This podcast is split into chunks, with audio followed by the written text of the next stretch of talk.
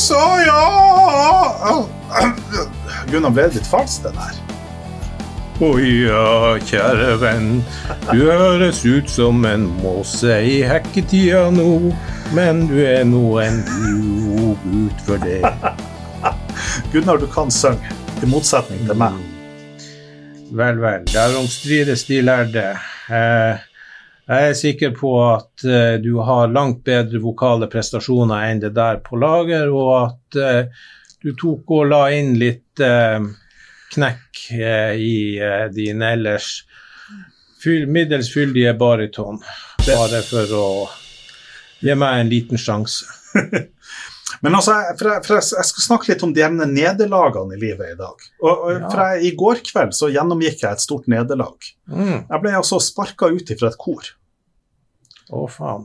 Og det, og, det, og, det, og det er jo liksom det er liksom krevende. Det er et nederlag. Um, det. men, så, men så er det jo Så føler jeg det at det var riktig, og det var rettferdig, og det var gjort på en ordentlig måte. Jeg ble liksom tatt opp på ei prøvetid hvor, hvor uh, dirigenten sier at her, her Marius, jeg, er- jeg er i tvil på om du vil klare, selv om at du forbedrer deg, om du vil klare å holde nivået. mm. Og det, det klarte jeg ikke. Akkurat, ja. Så, så det var det som var begrunnelsen. Det var ikke sånn at uh, vi har ø, tre baritoner og har bare plass til to og har trukket lodd og liksom Nei, nei, nei det, var, det, var, det, var, det var Det var det liksom uh, You suck. Ja, ja det var, det var USAC. Og så Mm. var det jo selvfølgelig faglig begrunna og sånn. Og det Mm. omtrent, omtrent sånn som når, når vi, vi er liksom Mm. sensorer Mm. på en eksamen. ikke sant? Det at Da må vi faktisk si at vet du hva, det her var faktisk ikke godt nok. Og jeg Mm. tenker at, og det var den opplevelsen jeg da liksom gjennomgikk. Her hadde jeg Mm. liksom lagt inn Mm. timer for å øve, og så går jeg inn på den, og, den, Ja. og så går jeg på den smellen. Men sånn må det være.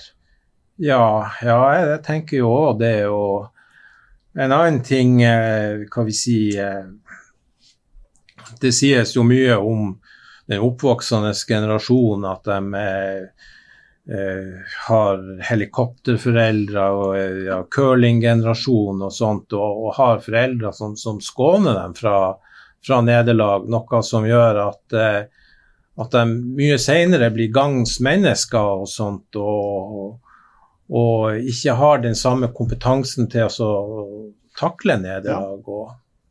Ja. Jeg tenker det er kanskje en viktig livskompetanse å takle nederlag, Ja. og ikke minst å, å vokse på det. Ja. Jeg er enig. Men for å, for å liksom takle liksom nederlagene, så har jeg vært og googla verdens verste vitser.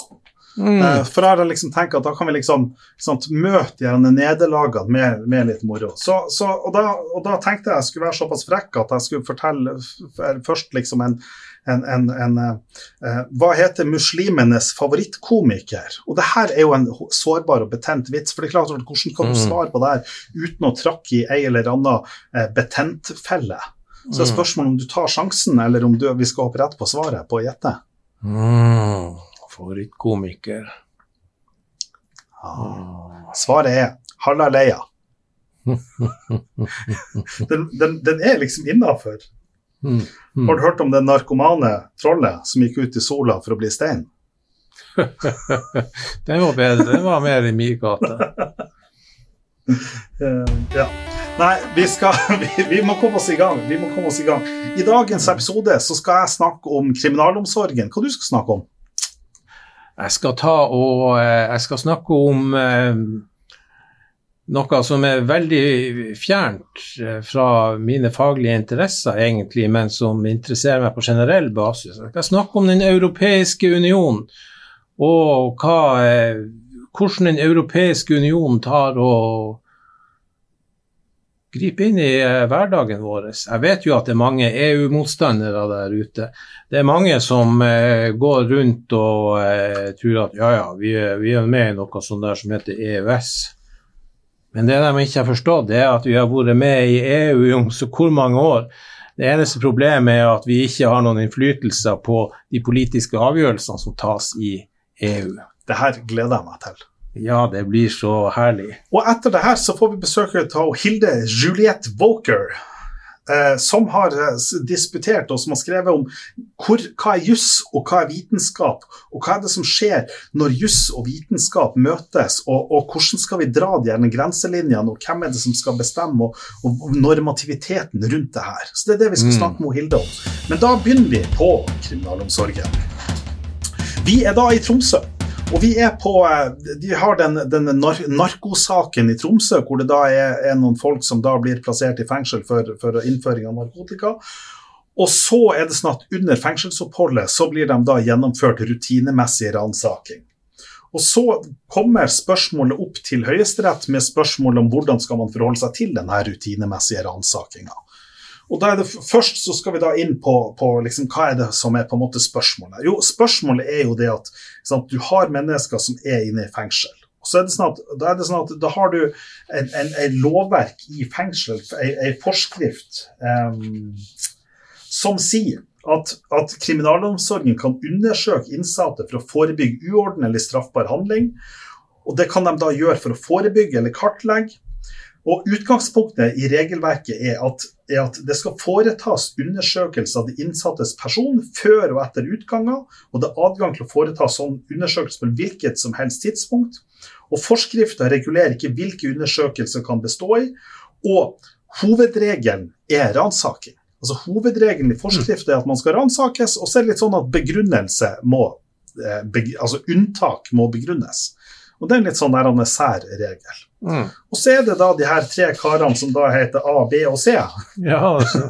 Fine navn. Eh, jeg, tror, jeg tror, jeg kanskje kunne liksom nevne navnet på noen av dem, men det skal jeg la være å gjøre. La oss kalle dem A, B og C. Ja, la oss for all del gjøre, gjøre, gjøre det, så det er nok det tryggeste. Ja. Og da er det sånn at han, han, han A, han har da blitt eh, blitt ransaka rutinemessig Hva det var 170 ganger, tror jeg det var. Nei, hvor det står. Ja. B har blitt rutinemessig kroppsvisitert 129 ganger. Eh, og de har da skjedd rutinemessig uten forutgående kontroll, og noen ganger så skjer de da eh, også ved at han måtte, må bøye seg ned, og, altså naken bøye seg ned mm. på knærne og liksom vise fram, vise fram rumpa.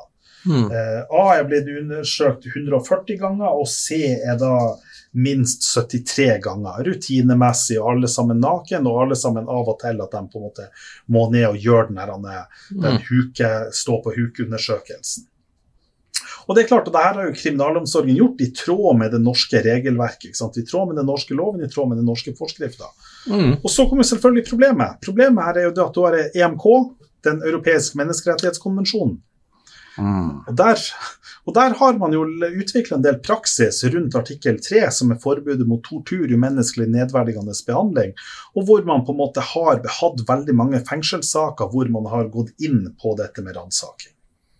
Eh, og så er det da Høyesterett da gjør i denne avgjørelsen, at de bruker ganske lang tid på å gjennomgå liksom EMD sin praksis. Og jeg, og jeg blir litt sånn Men nå kan det hende fordi at jeg har sjøl lest EMD sin praksis. Jeg syns liksom at denne avgjørelsen, gjennomgangen du hadde, jeg tenkte, følte at det var liksom unødvendig.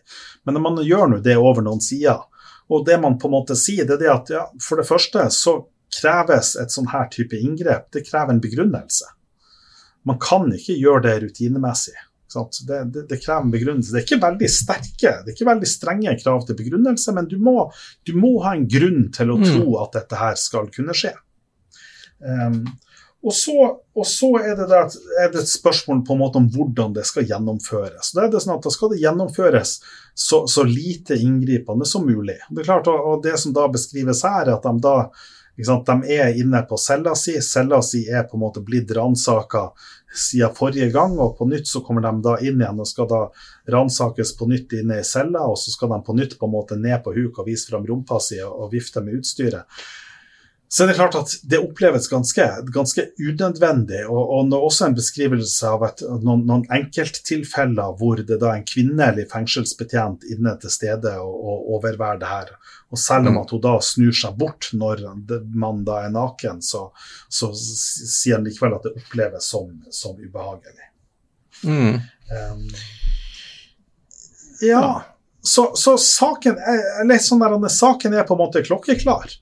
Det er liksom det helt klokkeklart at den norske straffegjennomføringsloven sin regel er i strid med EMK, den norske forskrifta er i strid med EMK, hvor rettsregelen er det kreves en begrunnelse for å, gjennom, for, for å, gjennomføre det. Det er relativt lave krav til begrunnelse, men det er et minimum at det gis en begrunnelse. Og hvor, hvor også rettsregelen er at det skal gjennomføres så skånsomt som, som mulig, og, og, hvor det er uaktuelt med betjente betjent av det motsatte kjønn. og, og sånn her. Og så, så jussen er på en måte klokkeklar, og så kommer det på en måte, måte, om det foreligger noen særlige forhold her, og det gjør det egentlig ikke. Man drøfter litt i forhold til C, som da har blitt tatt med, med THC, altså te, mm. at han da røyka cannabis, og man en gang så hører man 0,46 i promille, så at han da på en måte har tilgang på noe. Men det er på en måte likevel ikke nødvendig. Og så er det spørsmål hva er det saken står om? Jo, saken står om hva er betydninga av disse ulovlige, ulovlige ransakingene. For da er det sånn at statsadvokaten han har da argumentert og sier at det at staten erkjenner at her er dine menneskerettigheter blitt krenka, at det skal være tilstrekkelig. Men mens, mens det forsvarerne da krever, det de krever da et fradrag. Eh, og, og, de når da fram med dette fradraget og får da for, for to ransakinger så får de da én dag fradrag.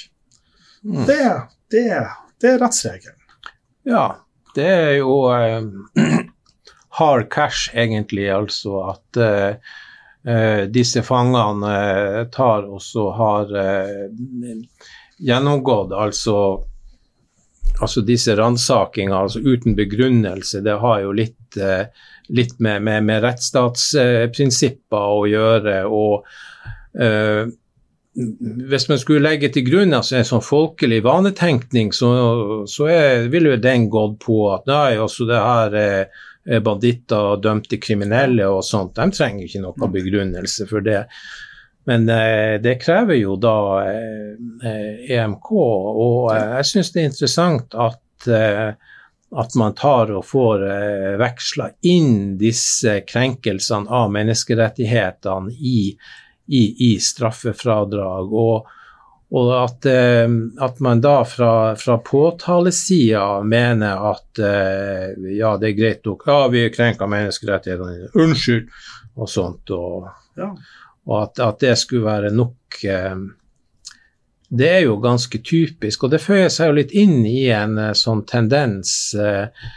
her på Dagsnytt 18 for ei uke eller to sider, to sider så, så, var jo det tematisert igjen, de her gjentakende sakene der Norge blir dømt i barnevernssaker i, mm. uh, i, i, EMD. Og så ble det stilt spørsmålet ja, uh, hvorfor uh, tar ikke loven å endres, hvorfor ryddes det ikke opp i praksisen? og det var jo ei dame som eh, snakka der, en av de mer sånn seniore forskerne der, Gro Hille mm. og sånt. Hillestad Hill. Hillestad Tune? Hillestad Tune, ja.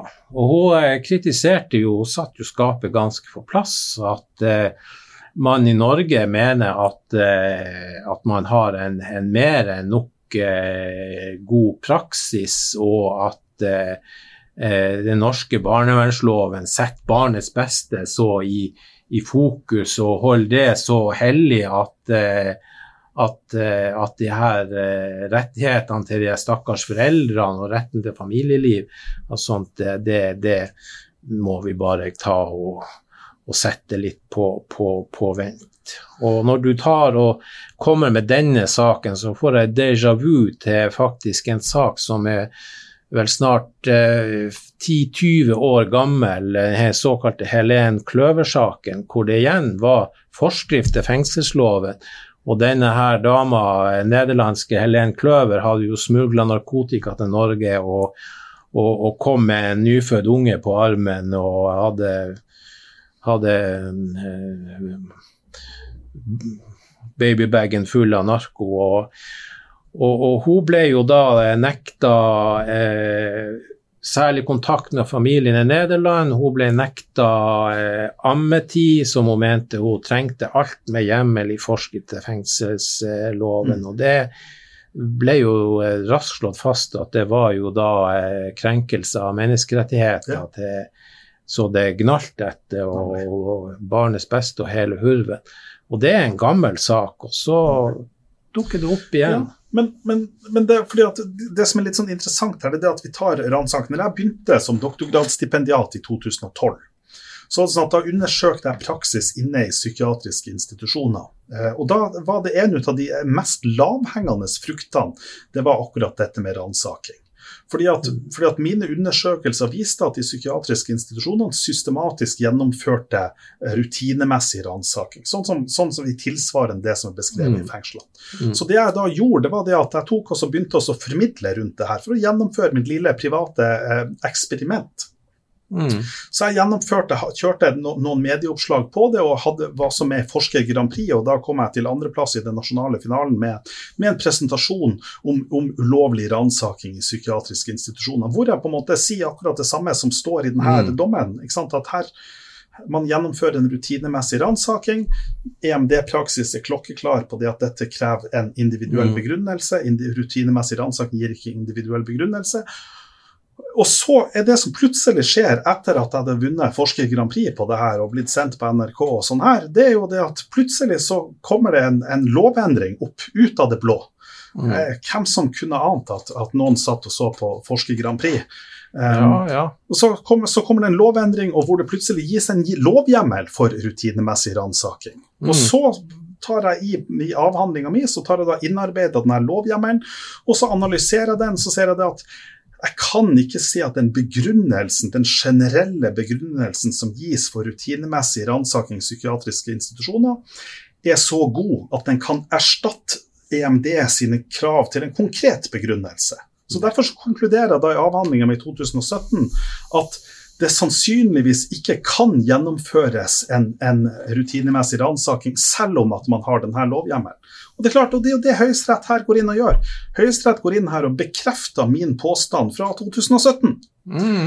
Um, og det er klart, og de psykiatriske institusjonene som gjennomfører fortsatt rutinemessig ransaking med hjemmel i denne loven fra 2016, det er jo da etter, fortsatt etter mitt skjønn så er det en ulovlig, en ulovlig praksis.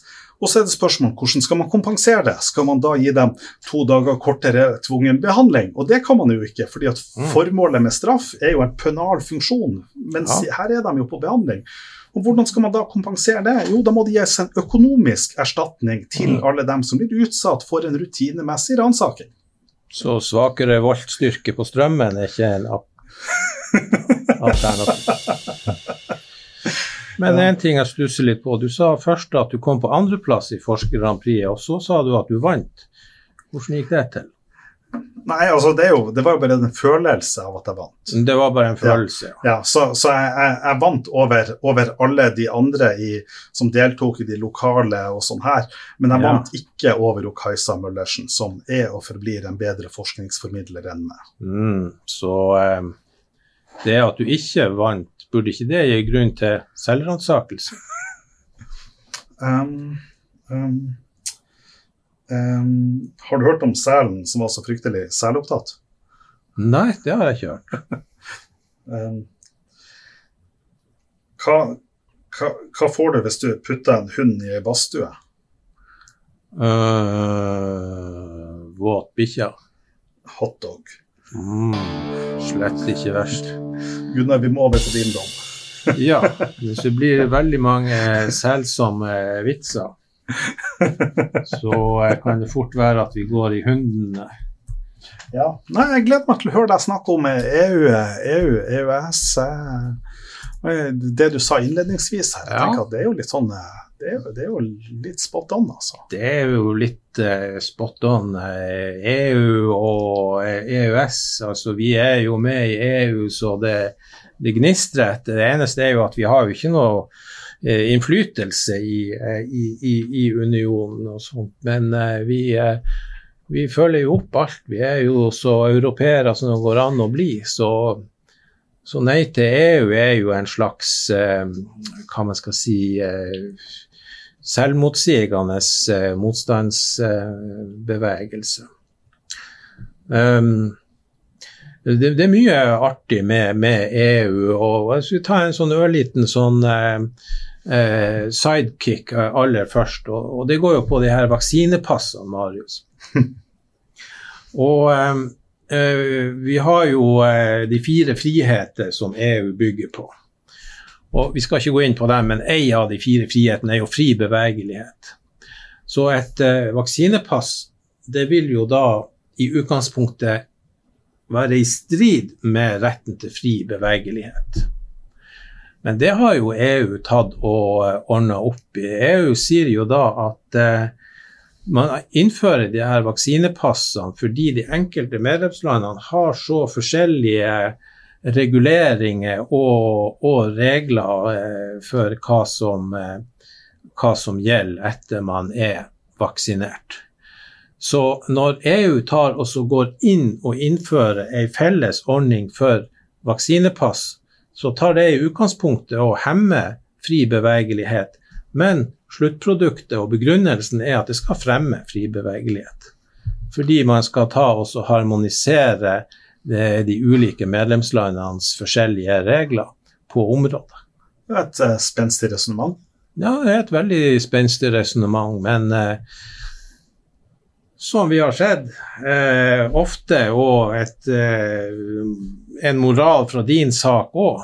Vi er litt trege av og til her i steinrøysa. Vi er ikke så kjappe på avtrekkeren. Um, det jeg egentlig skulle snakke om, det er Det skulle være en høyesterettsavgjørelse. Men så ser jeg jo at Høyesterett de tar jo ikke bare å sitte og, og, og skalte og valte med menneskerettighetene, dømme folk til livstidsdommer og Sånne ting. Høyesterett tar også og driver med såkalte betenkninger. Og Marius ja. Storvag, hva er ei betenkning? En betenkning, det er jo det er, det er når, når, når, en flink jurist setter seg ned og betenker seg om noe skriftlig. Han får et spørsmål, og så skriver han en juridisk utredning der han drøfter alle de ulike spørsmålene fullt ut i sin fulle, fulle konklusjoner og kommer fram til en konklusjon. Det er, jo, det er jo en teorioppgave. Det er det. Og det har skjedd eh, nå i Høyesterett. Og eh, her har da 1, 2, 3, 4, 5, 6, 7, 8, 9, 10 11, 12, 13, 14, 15, 16, 17, 18 19 høyesterettsdommere har satt seg ned og hatt et kollokvium. Tror vi hadde fått vært med der. Jeg tror vi klokelig hadde holdt kjeft. Det tror jeg òg. og 19 høyesterettsdommere har da kommet fram til ei løsning på et spørsmål de har blitt forelagt. Og eh, Adgangen til å be Høyesterett om slike betenkninger den hjemles i Grunnlovens paragraf 83.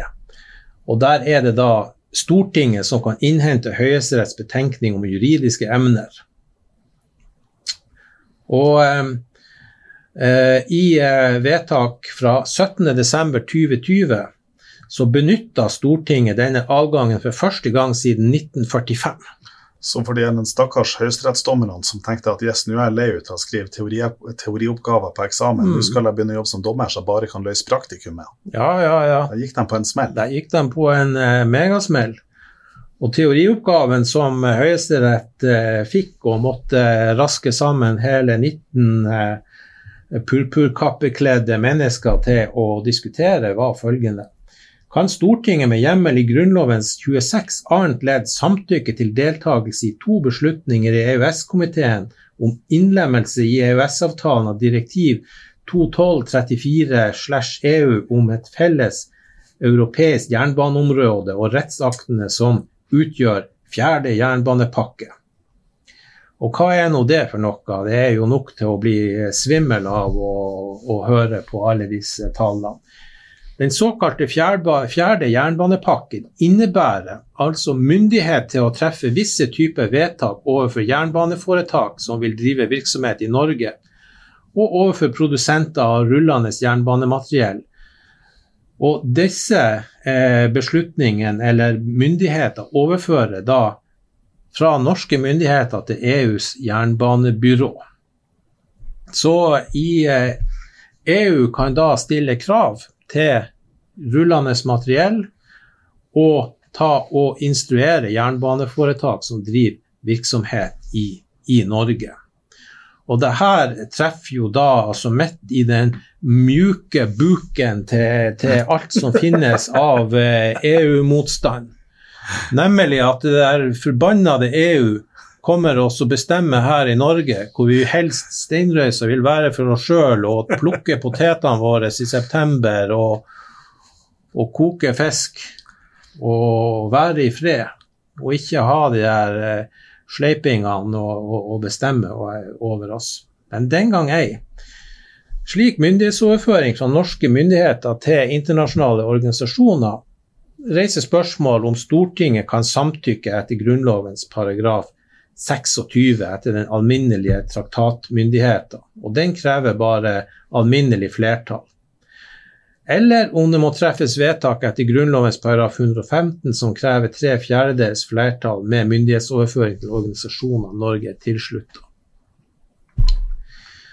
Og eh, ved overføring av myndighet til en organisasjon som Norge ikke er tilslutta, sånn som eh, EU, så vil alternativet til 26 være regulær grunnlovsendring etter paragraf 121 og det vet vi, Marius, at, eh, som har undervist i statsrett begge to, at det er altså ikke et uh, kort lerret å bleike. Nei, det...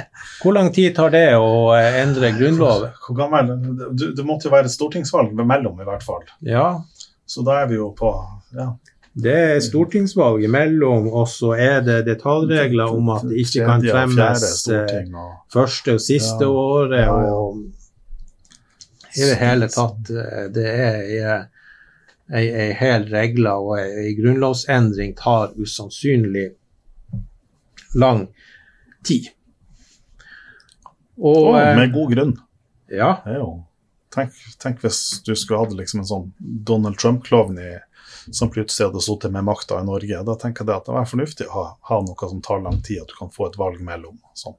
Så det, men, men, det var jo en annen sak. Det var ikke der vi var nå. Nei, Nei da. Ja. Og eh, eh, det her er jo viktige spørsmål, og var jo grunnen til at eh, Stortinget ønska å få dem belyst av Høyesterett. Og i denne betenkninga, eh, som er grundig altså Det er jo ikke tvil om at det her er Norges fremste jurister som har satt seg ned og drøfta det her. Betenkninga har en omfattende gjennomgang av praksis og i synet på disse spørsmålene i juridisk metode, både før og etter vedtakelsen av Grunnlovens 115, den gang Grunnlovens 193 i 1962. Men, men selv om at den på en måte er betydelig og tung, og, og sånn her, så blir, blir, den jo likevel kritisert i ettertid, altså? Ja, det, det, det, det er jo sant. Altså, men, alle EU-motstandere er jo egentlig harnisk over, en, ja. Eh, over denne, denne, avgjørelsen.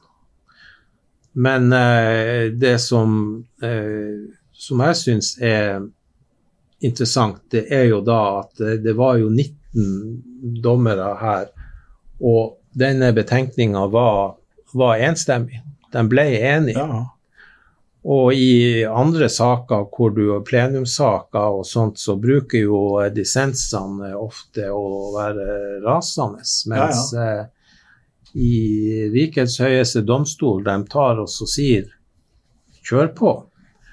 Og det reiser jo, eh, det reiser jo veldig mange spørsmål. Det som først og fremst er interessant her, altså jeg tenker at eh, at hvis ikke du er ihuga nei til EU-motstander, så ligger ikke du og ruller deg i svette om eh, natta for at EU tar og, og sørger på, for sikkerheten på, på, norske jernveier. Og her i nord så er jo det også et, et behagelig fjernt problem. Men, eh, Men altså, vi har jo det er, jo, det er jo bare sju og en halv time å kjøre til nærmeste jernbanestasjon, hvis vi ser bort fra Narvik da, til Fauske. Så. Ja, ja, det er, det er jo det fort gjort. Fort gjort, det. Det, det. går fort med taxi. Ja, ja, ja. Det gjør det. Nei da, men um, fra spøk til revolver, og nå skal jeg endelig komme til saken. Det disse 19 høyesterettsdommerne gjør, er jo egentlig også å ta og smelle inn den lille kjipe finerplatedøra som eh, stengte det her. Ja. Og eh, altså vi lever i en mer og mer altså både globalisert og europeisert verden. Ja. og og jeg tenker det her tar og åpner for at vi får lignende ordninger på, på, på eh, andre områder. Gjør det. Og eh, ja. Men det er klart, det, er klart det, jeg- det jeg savner litt i denne, i denne avgjørelsen, det er jo det her med, med mindretallsvernet. Det, og det, jeg mener at det var det, Nå nå er jo liksom en del av konseptet her i Juss og Joss, det er jo det at, det jo det at Gunnar nå har presentert denne dommen, har jo ikke ant om hva det han har presentert. sånn at når jeg nå liksom kommer med, med innvending og innspill, så er jo det bare basert på min, min spede hukommelse. Men jeg mener at han, jeg mener at han Erik Holmøyvik hadde var ute også, og Erik Holmøyvik er professor i Bergen i statsrett. Han var ute og kritiserte den her. Eh, og en del av dem kritiserte den på det at, det at, at, altså at man på en måte at Stortinget med et rent flertall kan, altså Stortinget kan med et rent flertall i praksis overføre myndighet og frata Stortinget en domsmyndighet, nei, altså Stortinget en lovgivningsmyndighet basert på 50% Og dermed så fjerner du de mindretallsbeskyttelsene som du har i, som du har i, i, Mm, i Grunnloven ja. at du på en måte ikke har et to tredjedels. Mm. Det gjør at du på en måte, man, man svekker det parlamentariske systemet. Men samtidig så er det jo sånn at når man meldte seg inn i EU, så var man jo Det var jo mer enn Altså det var jo mer enn to altså Meldte seg inn i EU, meldte seg Ja. inn i EØS. Slip of the tongue. ja, ja, ja.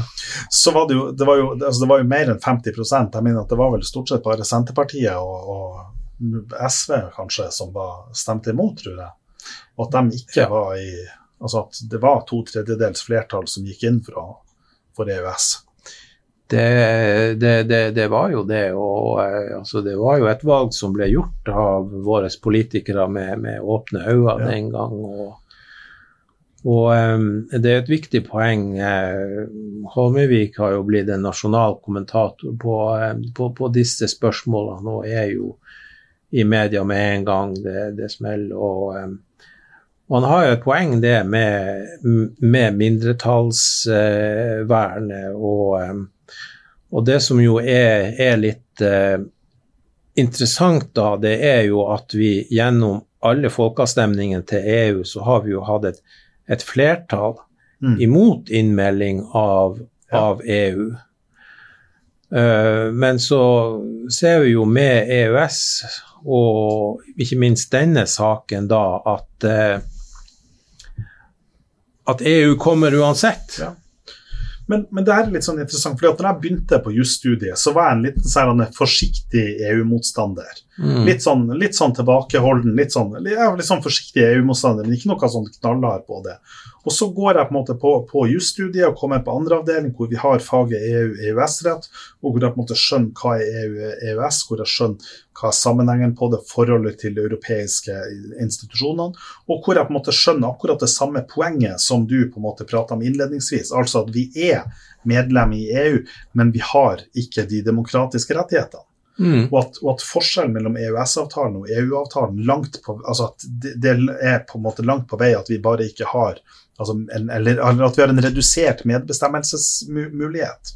Det er klart, og det er, jo, det er jo et problem. Klart, og når, og når jeg på en måte så det poenget, så tenker jeg at eh, da er det faktisk bedre å gå helt inn og eh, ja, og, få, og få, få en del ut av, den, ut av den innflytelsen. Det er klart Hvis vi måtte se på nå på, på koronapandemien, så det klart så har jo Norge fått del i EU sine vaksine, vaksineprogram. Mm. Men det var jo ikke en selvfølgelighet i den situasjonen. Det var jo, det var jo synes som at det på en måte var litt at, at ministeren ringte til noen han kjente i Sverige, og at de på en måte fikk dratt i trådene. Mm. Klart, vi, vi plasserer oss i en sårbar risiko i forhold til Ja. det. Og når vi likevel får med hele nissen på lasset, og hvor vi ikke har mulighet til å vri oss unna det, så syns jeg de argumentene mot EU-medlemskapet er, ikke er så gode. Og da er det jo et spørsmål i realiteten er det for eller ikke for eller imot EU, men for meg så er det for eller imot EØS. Mm. Ja, veldig, eh, veldig god refleksjon der. Og, og vaksinesaken er jo, er jo et, eh, et, et, et eksempel på, på det. At, eh, at vi gjennom den litt sånn problematiske tilkoblinga gjennom EØS eh, fikk vaksiner nærmest som et slags sånn der eh, eh, hva jeg skal si, nærmest som en sånn eh, nødhjelp. Ja, ja. Stakkars Og- nordmenn på Bjerge. Ja, ja, ja. Og eh, alternativet har jo, har jo nesten da eh, vært at, at, at Norge måtte ha tatt og, og vendt seg til Russland og kjøpt Sputnik-vaksinen. Eh, eller eh, den kinesiske vaksinen og sånt. Men det er klart, en del ut av det her med EU og EØS, det er jo, det er en del ut av det er jo det at vi åpner opp for fri flytelse av ar arbeidstakere. Mm. Og da er det jo sånn at, at som en del ut av det å være på et universitet, så er det jo sånn at vi, vi utlyser stillinger her, og stillingene er det kvalifikasjonskrav på. Og kvalifikasjonskravene er det i hovedsak en, en, en mastergrad for å bli stipendiat. Um, og da har vi jo hatt, da har vi jo hatt liksom noen, noen spørsmål og utfordringer for det. er. F.eks. gjesten vår som er på vei inn, Mm. som jo kommer fra Nederland, som jo har en nederlandsk mastergrad. Eh, eller jeg tror i hvert fall hun har det, og som da er kommet hit for å være, være stipendiat, og nå leverte en doktorgrad. Så er spørsmålet ja, hva skal hun gjøre nå som hun er, hun er ferdig med doktorgraden? For det er klart, Hvis hun skal få en fast stilling på universitetet med å undervise, så må hun jo nødvendigvis undervise på norsk i norsk juss. Fordi at jussen Mm. er, jo fortsatt- er jo fortsatt forskjellig. Og dermed så er det sånn at ja, den EØS-retten på en måte gir fri flyt av bevegelser, men så har du noen nasjonale interesser. Og en av de nasjonale interessene er at jussen er jo for noen deler fortsatt litt nasjonal, selv om at eh, dagens episode viser noe annet. Mm. Og at det må på en måte undervises i nasjonalt og med utgangspunkt i nasjonale rettsregler. Det er klart at det gir noen praktiske utfordringer med dette. Det, det, det, gjør det, gjør det absolutt. Og eh, jeg tenker jo at eh, at eh, bevegeligheten i, seg sjøl er, er jo fri, men eh, hva vil si eh, disse kvalifikasjonskravene eh, må jo hva vi si, være, være oppfylt. Så, så jeg tror jo at at det ikke er noen nødvendig motstrid mellom, eh, mellom fri bevegelighet og, og kvalifikasjonskrav. Vi har jo eh, Ja, der, men der har du det at man må bare tilpasse Ja. kvalifikasjonskravet. Istedenfor for at man gjør sånn som man gjorde før, at man utlyser stillinger sånn og åpent, så må man nå på en måte si at ja, det er et kvalifikasjonskrav at man kunne undervise i norsk juss på masterstudiet. Ja, f.eks. Eh, vi bare et, ta et, et, et, et lignende eksempel. Eh, så vår eh, velkjente eh, eh, Tromsø-advokat eh, Gunnar Nerdrum, han eh, tok jo i flere år og etablerte og drev et advokatkontor i Frankrike. Han beherska språket, og han tok og avla og tilfredsstilte de kvalifikasjonskrav som franske eh, justismyndigheter krevde. Ja. Og kunne eh, drive da et eh, fransk advokatkontor i, i, i, i, i Paris, som, som nordmann og sånt. Og eh, altså, vi snakker Frankrike er jo et av hovedlandene i, i EU og sånt, men at han måtte gjennom disse eh, kvalifikasjonskravene, det var det ingen som eh, stilte spørsmål med. Og, og sånt er det jo på en eh, flere andre samfunnsområder også. And then the terrible moment came when Marius turned over from Norwegian to Norwenglish. It's, It's uh, a terrible uh, time, and uh, I fear the forthcoming. yes. So to do those of our listeners who think that I don't have the English uh, spoken standards, just bear with me. Hilda, Hello. welcome. Um, Hilda, do you know what the one what the snowman said to the other snowman? Do tell me. Um, is it me or do I, do you smell carrot? Hi- Hilda, you who are you? Who am I? Well, Yeah. I'm Hilda. Yes. I am recently a doctor. I Congratulations on that. thank you, thank you. I defended my PhD last Friday, so And now it's Monday. it is Monday. Yes. So are you And sober here. yet? exactly, I'm here. Aren't you? Aren't you proud? Yes, I'm, I'm, I'm, I'm shocked. I'm shocked. Uh, it's good job. What what did you write about? So my PhD was on the law science interface within the law of the sea, Okay. focusing on a case study of the continental shelf. Okay. Okay. That's the title. The, the law. We know what law is. Law is what we in Norwegian call jus. Ja, Yes. det høres bra ut. Yes. And science. That's that's vitenskap, or or what's what's Yeah. what's the difference between science and jus? So in my thesis, I only look at the natural sciences. So Yes. it would be biology, oceanography, geology, geomorphology, etc. Okay. Um, and so I look at how law as a system, law as a body of knowledge is different from science as a body of knowledge, as a discipline, as an institution. But of course, I think we can all agree that the two interact quite often in legal settings. Yes. Um, and so I looked at what, what happens when they meet. Um, Are there issues of miscommunication between the two, or to what extent does law refer to science? Um, that kind of thing. Mm. Bodies meeting and misunderstandings. Sounds like a Me Too problematics. So so you wrote up a thesis about Me Too, or No, no, I wrote a thesis about the continental shelf and law and science within it. okay. Mm. Okay. Yeah. And and why is this interesting? Why is this interesting? My goodness, I spent four years doing this. Yeah. no, so I think um, sort I of mean, the I mean, premise. you're you're you're you're a smart woman, so I think you Thank you you. want to waste four years on, on something that's not interesting. No, no, I think it's interesting because, especially um, because there are issues of miscommunication and um, both within general legal research, I think, um, within international legal research, but also within the law of the sea. A lot of scholars and practitioners have observed that law and science interact, but no one has really, within the context of the law of the sea, explored on a theoretical basis what that means. And so, to what extent do law and science interact? Yes or no? And I, I remember, um, so I focus on the issue of the continental shelf, which is one of the maritime zones that all coastal states can claim. Um, it is both a legal concept and a scientific concept. And the definition differs. So I Oh. remember sitting next to a geologist here at a restaurant in Tromsø. And with the things I had available in front of me, so these were napkins and cutlery and cups, I was trying to draw the legal definition of the continental shelf.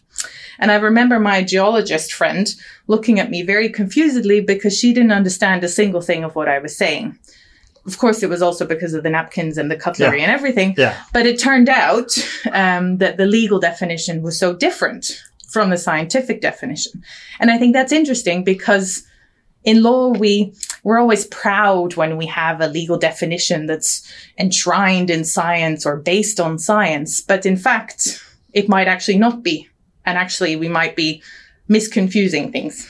Or- But but how how but but the, does the legal definition think that this is a science definition or or Somewhat, yeah. And so, for example, I and I, we've spoken a lot about um, this theoretical framework on Friday during the defense, um, but that is how I use uh, a certain German scholar called Niklas Luhmann. He's a sociologist, yeah and he Right. uses social systems theory to explain. Um, both the differences between various systems, but also what happens when they interact. And so he actually submits that because they operate, they each operate in their own worlds, to put it simply, um, two different systems can never properly communicate. And so uh, what that means is then if law thinks it's referring to science, what it actually refers to is an image of science that law cre- created or constructed itself. that's cool Yeah, so it's like we think we're all very sciencey, and of course, if I show you the definition of the continental shelf, you'll agree with me that oh, oh, this looks very sciencey. We don't understand this. It's very technical. But then when you actually show it to an actual scientist, natural scientist, they will they will only see like oh no, that's very legal. That has nothing to do with science. yeah but just to just to get this into my my understanding okay i'm i'm working i'm, I'm working on on mental illnesses and and well i'm not working on them because i'm working with the law on these mental illnesses so and then the and then then the legal definition says in the Norwegian it says that to be um, to be locked inside a mental institution, you have to you have to have a, a, a, an Norwegian the word alvorlig sinnslidelse. And the, and the word alvorlig sinnslidelse, that's a, that's a legal definition. That's a legal term. And then they say, and then they ask, okay, what is a alvorlig leaders? And then they say, well, that's a psychosis. And then the psychosis, that's the medical term, term. And so, and then they say that, well, we have this legal definition and not this medical definition because it should be the lawyers that decide and not the med- med- not the medical doctors. But when the lawyers decide, then they have to have this medical expression. So then the lawyers um, hide behind the science, yes. perhaps. So then the so then the doctor, the medical doctor says, well, it's a psychosis, and then the legal the lawyer says, okay, since it's a psykose, it's alvorlig sinnslidelse, and then yeah. But so what happens if the doctor cannot preclude that it's a psychosis? And that is one of the, the, the, the, distinctions between law and science. So law requires this form of certainty, stability, predictability, but science is all based on innovation and change and falsifying truths. And so very often science will not be able to especially when we enter court, very often science is not able to, um, with 100% certainty, uh, conclude that it is a psychosis in this Yes. particular example. yes, But then it would say, oh, but 98%. And then law will have to say, well, we take it as 100%, but what if Yeah. it's that 2%? yeah, So that's another one example. yeah. Uh, it's very interesting. I uh, think I have uh, lit some lights in my uh, uh, dark head, but I will uh, take this uh, water test uh, now. Uh,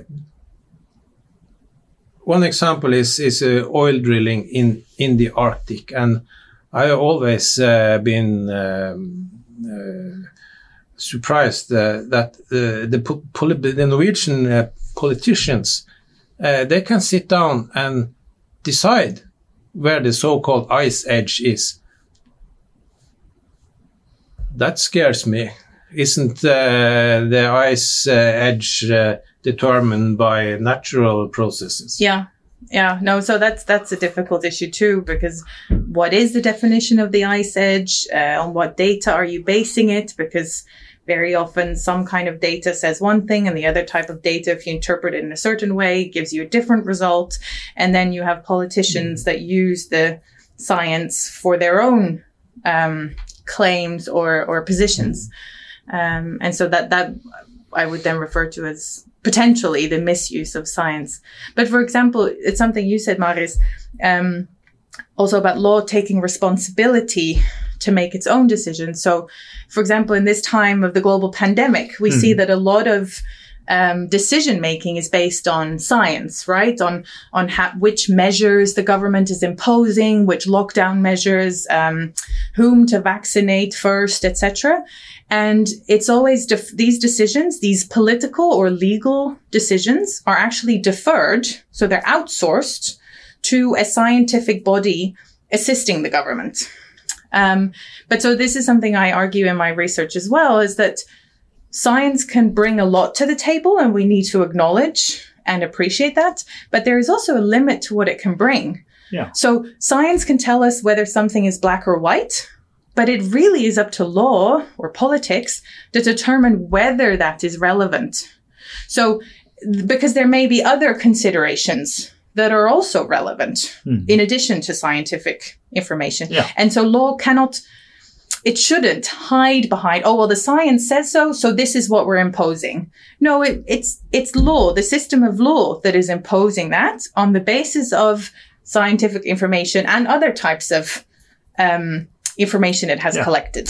But th- but that's interesting because when in the pandemic example, then you have the Norwegian system and then you have the Swedish system, and the Swedish system is is based on law and administration, whereas where, where the politicians is cut off from taking decisions in in and in the Norwegian system, uh, the politicians is is uh, capable to do these decisions. So then, then you, in the Sweden, you have this science interface, and in Norway, you have the the, the scientific law or scientific politicians interface. So it's two different Yeah. systems. And then you have meeting this pandemic, then you have two different ways to respond. And in Sweden, they have responded according to the procedures, according to the plans, but according to uh, what was decided on, on the, the beforehand. And in the Norwegian system, we broke with the, the plan we had. The plan we had was that we should not do lockdowns. Yeah. And then they saw, well, when the shit hits the fan, let's do a lockdown. and then the politicians decided a lockdown. And, and in my opinion, that's, that's, it's a quite smart system because the politicians is, is responsible on an election. Yeah. So then the people can actually, it's, it's a question about trust. Yeah, but uh, but another example from my own home country, from the Netherlands. Um, so during the lockdown, for example, um, based on the scientific information that we wanted to Yeah. save lives, a decision was made to um, any elderly people or all elderly people that lived in elderly home were not allowed to receive any visitors. Yeah. Because afraid of infections, and so they were closed off from their families altogether. That is a um, a determination based on one type of scientific information, namely that Yeah. if you come into contact, there's a risk of an infection. Yeah. But it, it's not just about that. It's also about what are the qualities of life, for Yes. example. And, and um, Yes. for most or very uh, many elderly people, they live to be able to be surrounded by family. And so it's, it's that kind of thing where the government or the government or law or politics as a, an institution also needs to take responsibility to weigh certain types of information. So that's also something I I submit. So the conclusion is that that science is good, but science should not take decisions. Science should give material to the law that make decisions based on how the law understands the science. Or Now you're forcing me to make to conclude or summarize my four five hundred page thesis in two sentences. yes, Um, yes, okay. so I think the conclusion is is that um, law and science um, have two different functions in society, or multiple different functions in society, and that we need to recognize the various different functions in society, and whilst bringing them closer together. So we need to, on the one hand, appreciate more the values um, and the opportunities that both can bring to the table, whilst at the same time also acknowledging um, the limitations. Um, that's one of the conclusions of my research. I'll leave it at that. well, I think there's there's coming something good out of this EU EUS law that we can get Hilde here to enlighten us. Thank you, Hilde. okay, you're welcome.